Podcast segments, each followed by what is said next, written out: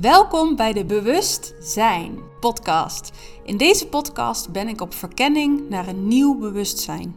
Of eigenlijk een heel oud bewustzijn dat ons lichaam al lang heeft, maar wij in onze hoofden vergeten zijn. Herinneren van dit bewustzijn is waar deze podcast over gaat. Kortom, dit is de space voor inspiraties, ideeën en inzichten over bewustzijn anno nu. En hoe je dit kunt integreren in je leven en werk. Hey, super leuk dat je weer luistert naar een nieuwe aflevering van de Bewustzijn podcast. En vandaag bevinden we ons in een periode van de wassende maan. En de wassende maan, of de toenemende maan, is de periode tussen de nieuwe maan en de volle maan. En dit is een, ehm, een vruchtbare periode, zou je kunnen zeggen. Want in de periode van de wassende maan ehm, kun je bijvoorbeeld je haar knippen. Uh, of het is, is de beste periode om je haar te knippen. Want, en dit heeft dus te maken met de sapstromen in zowel planten als bijvoorbeeld ook ons haar. Ook al zijn die heel klein en minimaal, maar uh, toch ook zit er, zit er sapstromen in ons, in ons lichaam en in, ook in ons haar, in de haarvaten. En um, als je dus je haar knipt met wassende maan, dan zul je merken dat het beter in haar um, volledige potentieel komt. Dus dat wil zeggen dat als je haar knipt met wassende maan, dan uh, ja, wordt het voller en dan wordt het uh, steviger. En uh, ik heb het zelf al een paar keer geprobeerd en ik merk zelf echt heel duidelijk verschil. Of ik merk het, het effect echt op. Dus uh, ja, ik wilde het vandaag eigenlijk hebben over de maan. Terwijl ik begon met het idee dat ik het wilde hebben over de, hoe belangrijk het is om um, tijd te nemen voor dingen. Om, om echt uh, ja, tijd te nemen om diepere aandacht te, te kunnen hebben voor dingen. En, en ook welke uh, rol dat speelt in mijn werk. En je zou het ook inspiratie kunnen noemen. Dus um, ja, inspiratie is, is vaak nog niet, of soms nog niet zo concreet. Soms ook wel.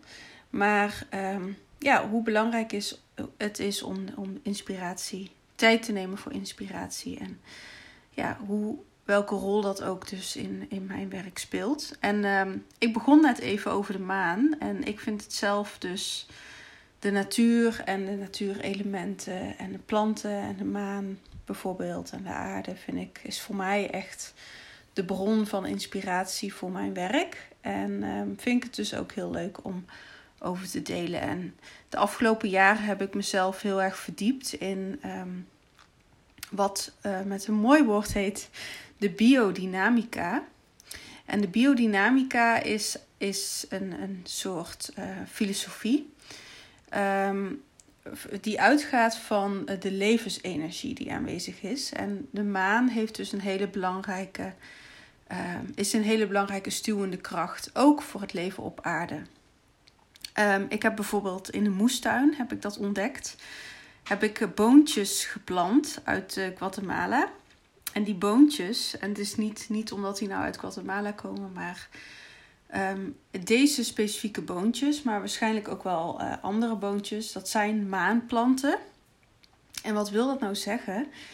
Uh, dat kun je zien aan dat ze linksdraaiend zijn. Dus als je goed kijkt naar hoe planten zich uh, bewegen of hoe planten zich ontwikkelen, dan zie je daar soms een soort draaiing in van in de stam of in de, in de takken. En in het geval van die boontjes zie je dus heel duidelijk een draaiing in de, in de, ja, de bonen, hoe noem je dat? De zaadlijsten, dus de, de hulsjes van, waar de boon, boontjes in zitten. En die draaien heel duidelijk linksom. Maar wat dus heel mooi is, is dat je daardoor ziet dat de, de kracht of de levensenergie die dus in de natuur aanwezig is, dat die dus circulair van aard is. Nou, en ik heb het ook al eerder verteld. De een grote inspiratiebron is voor mij het, het weten dat de aarde circulair is. En dan kun je dus op het hele grote niveau van de planeet heel duidelijk zien. Uh, wat ik vorige keer ook al zei, die uh, liegt er niet om dat hij misschien vierkant is. Nee, die is absoluut perfect rond. En je ziet het dus ook op de kleinste schaal, in dit geval het voorbeeld van die boontjes en de, de pultjes. Dat was het woord wat ik net niet op kon komen. De pultjes waar de bonen in zitten, die draaien dus uh, linksom en die draaien ook uh, circulair. En die, die, die vorm, die, die, die zou je ook een soort vortex kunnen noemen. En een vortex is, is de soort oervorm in het universum van ronddraaiende vorm die steeds uitdijt. Um, dus dat, uh, dat, dat zag ik in de, in de moestuin, viel mijn oog op. En toen realiseerde ik mij deze, ja, wat hier, wat hier uh, aan ten grondslag ligt. Of waarom dat die boontjes die specifieke vorm hebben. En nou, dat is dus een uiting van die biodynamica, van die levensenergie die overal in elk levend organisme zit. En uh, nou ja, de maan heeft daar dus heel veel effect op. Dit is dus een maanplant. En, die, en niet alleen die boontjes, maar er is dus een hele groep planten die, die linksdraaiend zijn. En dat, dat zijn dus maanplanten. En ehm, nou, wat ik net al zei, de maan heeft dus ook heel veel effect op uh, de sapstromen in planten. Dus uh, er is ook een, een, maankalender die je kunt gebruiken in de moestuin. Maar dus ook bijvoorbeeld um, voor het knippen van je haar of um, voor de menstruatiecyclus. Die, die is daar ook heel, uh, heel erg mee verbonden met de, met de maandcyclus. En ook bijvoorbeeld eb en vloed, de wateren. Dus je ziet ook al uh, soms wat duidelijker en soms wat minder duidelijk dat die krachten in de natuur in werking zijn.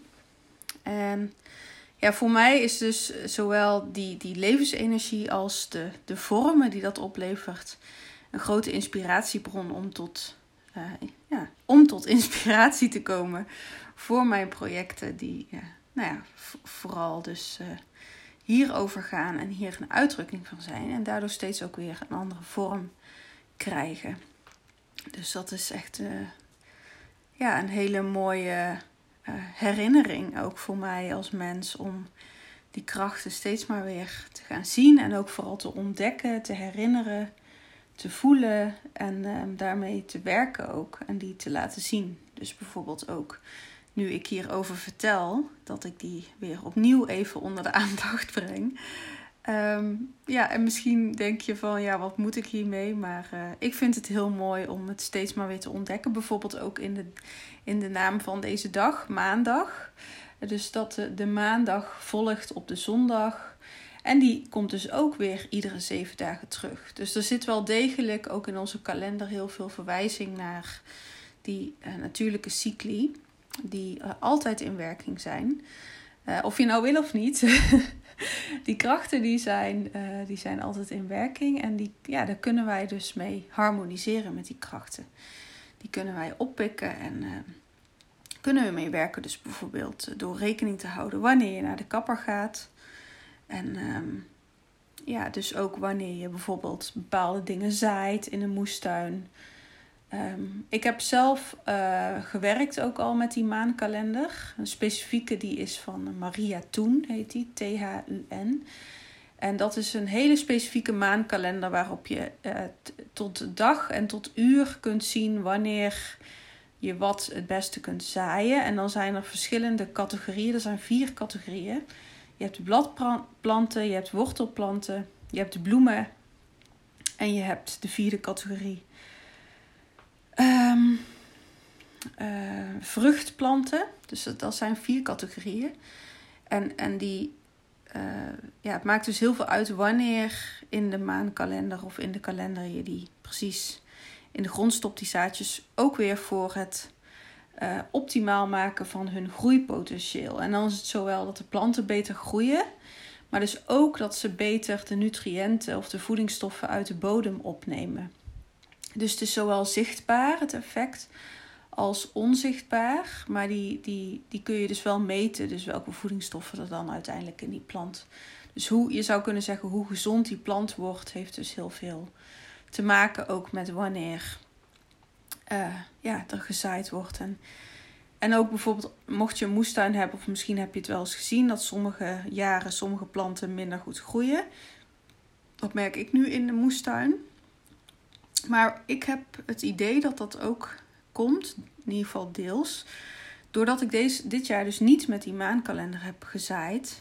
Ehm, en ja, dat heeft eigenlijk eh, verschillende redenen, maar dat maakt, doet er op dit moment niet zoveel toe. Maar ehm, ja, ik, ik geloof dus wel heel erg dat dat, uh, dat, dat zo is. En dat dat, ehm, ook al is het misschien niet gelijk helemaal duidelijk zichtbaar, dat het wel degelijk heel veel effect heeft. Uh, voor sommige planten natuurlijk meer. En hoeveel, ook bijvoorbeeld hoeveel vruchten ze produceren. Maar dat hangt niet alleen maar af van de maankracht. Maar uh, ja, dat is wel een hele belangrijke, denk ik, in het geheel. En um, ja, ik vind het dus heel mooi om ook te luisteren naar dat ritme van de maan. Um, waardoor je ook dus steeds beter in je eigen potentieel komt. Want ja, het is nu wassende maan. En um, ook daarin zit steeds weer een, cyclus. Een opbouw en een soort hoogtepunt met de volle maan. En dan gaat hij weer naar de nieuwe maan. Wat weer een periode is van opnieuw zaaien en opnieuw uh, ruimte nemen om uh, te voelen en te, te, na te denken over, nou, wat, wat wil ik de, de komende maand of de komende maan dus. Want maand en maan is ook één op één van elkaar afgeleid. Omdat vroeger in de kalender, um, ja, die was dus ge, uh, gebaseerd op de maan. Dus iedere maandcyclus was één maand. En de oorspronkelijke kalender is dan ook 13 maanden. Um, nou, hoe dat kosmologisch precies in elkaar zit, uh, dat is denk ik weer voor een volgende keer. Maar daar, weet ik zelf ook niet uh, het fijne van. Maar dat weet ik in ieder geval wel. En um, ja, dat er dus heel erg veel in het jaar afgeleid is van die natuurlijke cycli. En dat is natuurlijk in mijn ogen ook heel logisch, helemaal niet zo gek. Maar dat is in ieder geval voor mij een hele belangrijke bron van inspiratie. En heeft ook niet zoveel, denk ik, met kennis te maken als wel meer met wijsheid. En ik heb dat al eerder gedeeld in deze podcast, dat ik zelf op een gegeven moment dat uh, onderscheid beter ging zien. Ook omdat ik het, het yoga docent, ik deed een, een yoga teacher training en die yoga docent die liet dat zien met zijn handen. Die deed zo zijn handen een klein stukje uit elkaar. Hij zei: Dit is slim.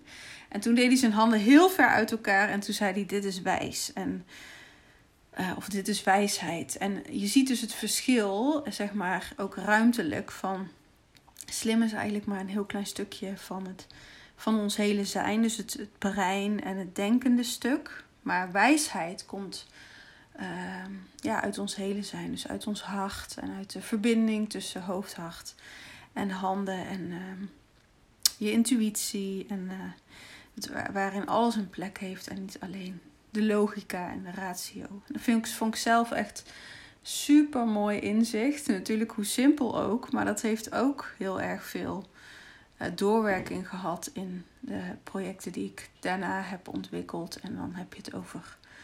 Uh, in 2014 was die teacher training, dus dat is inmiddels al de afgelopen nou ja, ruim 7 à 8 jaar. Dat ik mij daardoor heb laten inspireren ook. Oh, die kat. die kat maakt geluid. Um, die wil ook heel graag aandacht, denk ik. Probeer nu op de stoel te springen. Ja, dat lukt. Oké. Okay. Hey katje. Ben jij er ook bij vandaag? En um, ja, dat is dus ook eigenlijk een beetje um, samengegaan, die verdieping op het gebied van de natuurlijke cycli en ontdekken van wat is nou, wat is nou wijsheid? en ja, wat is mijn wijsheid? Of waar, waar vind ik wijsheid? Of hoe voelt wijsheid? Nou ja, dat soort dingen. En, uh, ook omdat in Eindhoven, waar ik dan woon al heel lang, um, heel veel aandacht is voor smart en de smart city. En dat ik zelf op een gegeven moment tot een inzicht kwam van, maar volgens mij zouden we uh, onze aandacht kunnen leggen ook op uh, wise. Dus wise Wise City. Nou, dat is een van de concepten die op dat moment geboren werd. Dat was al in 2015. Maar dat idee van uh, wijsheid stimuleren in plaats van alleen maar slimheid en je brein zo optimaal mogelijk gebruiken, ja, is voor mij dus ook heel belangrijk om te luisteren naar mijn hele zijn en alles wat daaruit voortkomt. En dat heeft zeker ook zijn grondslag in dat ik, ehm, voordat ik naar de universiteit ging, de, de opleiding aan de Design Academy heb gevolgd in Eindhoven. En dat was een hele intuïtieve opleiding. Dus dat ging vooral heel erg over het voelen en ehm, ja, het contact maken met je, met je eigen inspiratie. En dat langzaam maar zeker ontdekken van wat leeft daar allemaal. En um, nou ja, zo um, kreeg, je, kreeg je eigen uh, invulling van het ontwerperschap langzaam vorm. Dus ik ben eigenlijk eerst heel erg intuïtief opgeleid. En daar ben ik heel dankbaar voor dat dat voor mij vooral de basis is. En daarna heb ik nog wel een master gedaan op de universiteit. Maar dat was zowel chockerend als verrijkend. Chockerend in de zin van hoe erg daar uh, vooral uh, vanuit de ratio gedacht werd. En hoe, nou ja, misschien wel weinig er echt vanuit het gevoel ook. Hè, dat het gevoel ook echt een plek kreeg. Bijvoorbeeld in de contemplatie over bepaalde grote thema's zoals klimaatverandering dat uh, we een, een plaatje te zien kregen van een, wereld, uh, een wereldbol. Die al helemaal vol zat met rode vlekken. Als, als soort van verwijzing naar uh, ja, hoe, hoeveel hitte er al is op deze planeet. En dan was het zo van oké, tot volgende week. Terwijl ik dan zoiets had van ja, maar volgens mij is het nu tijd om dit even binnen te laten komen. En hier eventjes uh, op te reflecteren met elkaar. Of ik was in ieder geval ook heel benieuwd altijd van, nou ja, en wat gaan we hier dan mee doen? Of in ieder geval niet, misschien niet gelijk zo concreet, maar uh, wel eventjes daar op zijn minst bij stilstaan. En dat echt binnenlaten. En ook voelen van, ja, wat doet dat nou met ons? Zo'n zo'n beeld of zo'n perspectief. En, uh, maar ja, dat was ik dus eigenlijk heel erg gewend om dat zo te doen steeds met de dingen die ik dan tegenkwam of die we aan mij werden laten zien van ja, wat, hoe verhoud ik me daartoe? Of wat vind ik daar niet alleen en, en dus niet alleen wat vind ik en wat denk ik hiervan, maar ook van hoe voelt dat? En um, ja, kan ik die twee met elkaar in relatie brengen, het denken en het voelen? En uh, is daar ruimte voor?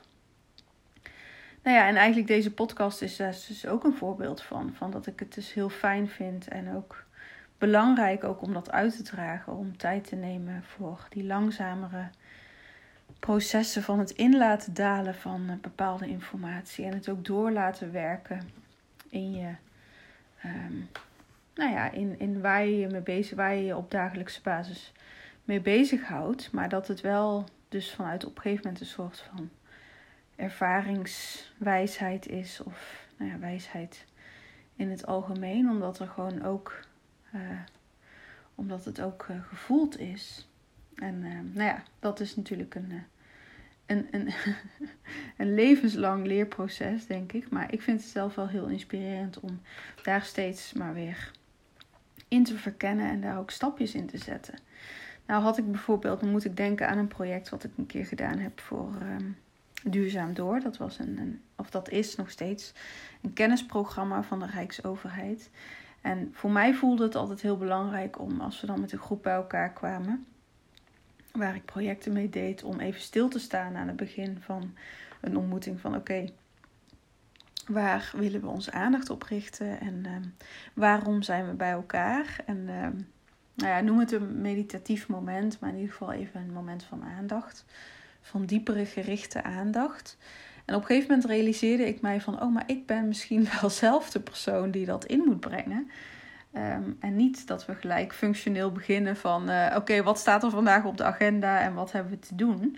Maar eerst even verbinding te maken met soort van dat hogere doel van, oké, uh, waarom, komen, waarom komen we vandaag überhaupt bij elkaar? En uh, nou, dat zijn bijvoorbeeld manieren waarop je steeds maar weer kunt verbinden met je eigen uh, hoger doel. En ook luisteren naar wat, hoe anderen daar uh, woorden aan geven. Dus dat, uh, dat is ook iets wat ik nog even wilde delen. En ehm, ja, dan is het alweer bijna 20 minuten. En ehm, ik vond het mooi om dit stukje inspiratie te delen. Ik had het woord slow kwam in mij op voordat ik uh, hier aan begon aan het opnemen van deze podcast. Dus misschien uh, klopt dat ook wel. Ik, ik wilde aandacht geven aan die langzamere processen en hoe belangrijk dat is om die grotere materie in te laten dalen en hoe dat dan vervolgens ja, tot uiting kan komen in, uh, in creatieprocessen. Ik heb het in de vorige afleveringen heel veel gehad over regeneratie. Dat vind ik een, ook een, hele, een heel inspirerend woord waar ik, um, ja, waar ik me mee bezighoud en waar ik invulling aan probeer te geven. Uh, ook, dat doe ik ook samen met organisaties, momenteel bijvoorbeeld met het waterschap. Daar heb ik in vorige afleveringen veel over gedeeld. Nou, mocht je hier verder nog nieuwsgierig naar zijn, of je hebt hier zelf ook ervaringen mee of nog vragen over, laat het me weten via Instagram. Stuur me een DM. Je bent super welkom. Dat kun je doen naar @annevstrien en uh, ik hoor je heel graag en uh, ik zou willen zeggen tot volgende week maandag, want op de dag van de maan komt er weer een nieuwe podcast. Dus uh, tot de volgende keer.